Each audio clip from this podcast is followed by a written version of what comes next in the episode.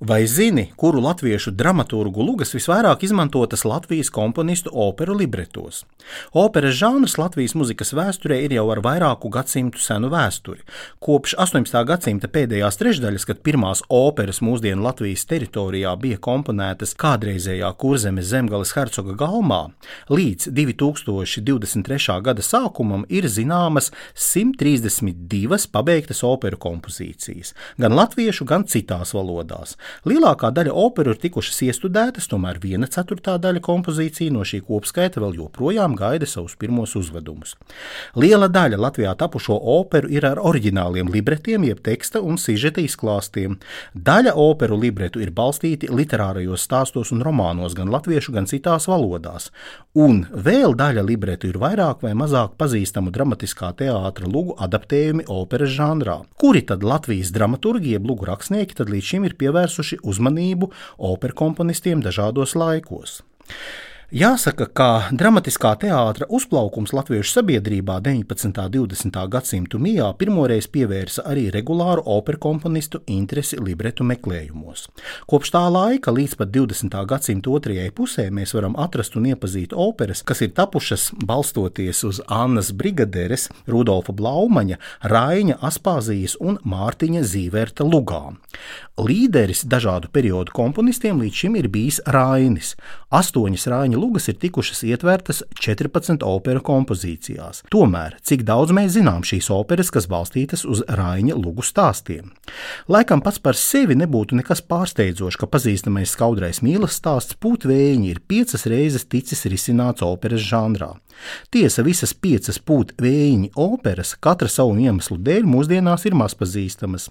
Komponista Mārtiņa Jansona otrā opera Pūtvējiņa komponēta 1945. gadā pēckara padomju okupācijas politiskajā kampaņā tika atzīta par neatbilstošu tolaik agresīvi prasītā sociālistiskā realisma politiskās doktrīnas apliecinājumam.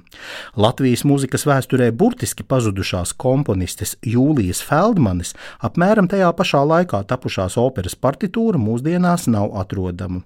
Atkal kārtējās okupācijas perioda politiskās kampaņas atmosfērā nepārāk veiksmīgs bija komponistes Felicitas Thompsones 1969. Gadā pabeigtās un vienu reizi iestudētās operas Putvēņa liktenis. 20. gadsimta 50. gadu beigās komponista Artūra Salaka pabeigtā opera okupācijas varas gaiteņos netika akceptēta iestudēšanai. Visbeidzot, Arvīda Žilīnska otrā opera Putvēņa, lai arī iestudēta 1977. gadā, tomēr nespēja gūt plašāku un ilgstošu publikas interesi. Līdzīgs maz zināmu operu liktenis ir piemeklējis Friedriha Podnieka īsi pirms Pirmā pasaules kara un 1969. gadā Jāņa Čepīša komponētās divas operas Indulis un Ārija.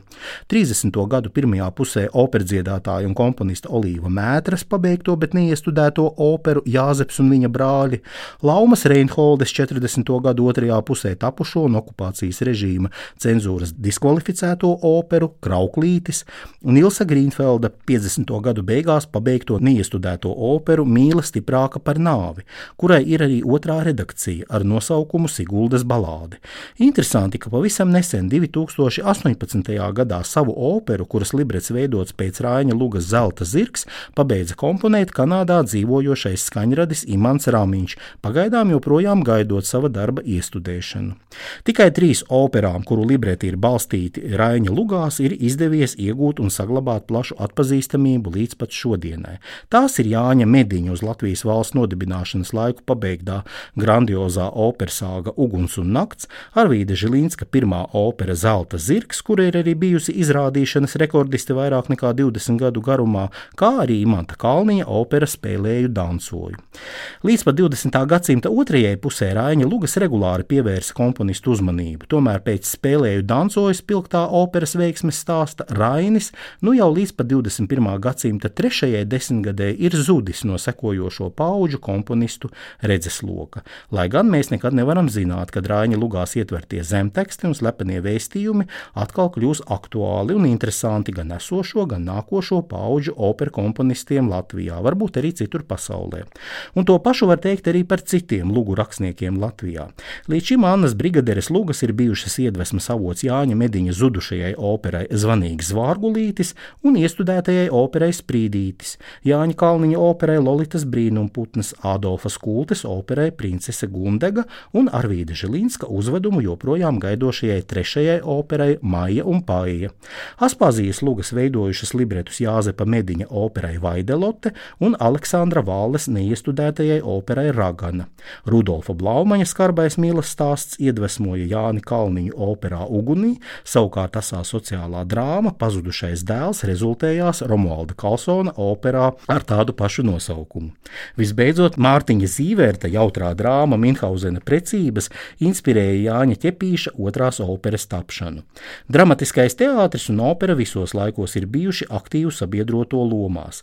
Tādēļ, neraugoties uz 20. gadsimta beigās un 21. gadsimta sākumā Latvijas komponistu operās piedzīvoto oriģinālu libretu dominanci, iespējams, kaut kad turpmāk mēs atkal varēsim sagaidīt plašāku lugu rakstnieku darbu, inspirējošu pārstāvību nākotnes operās.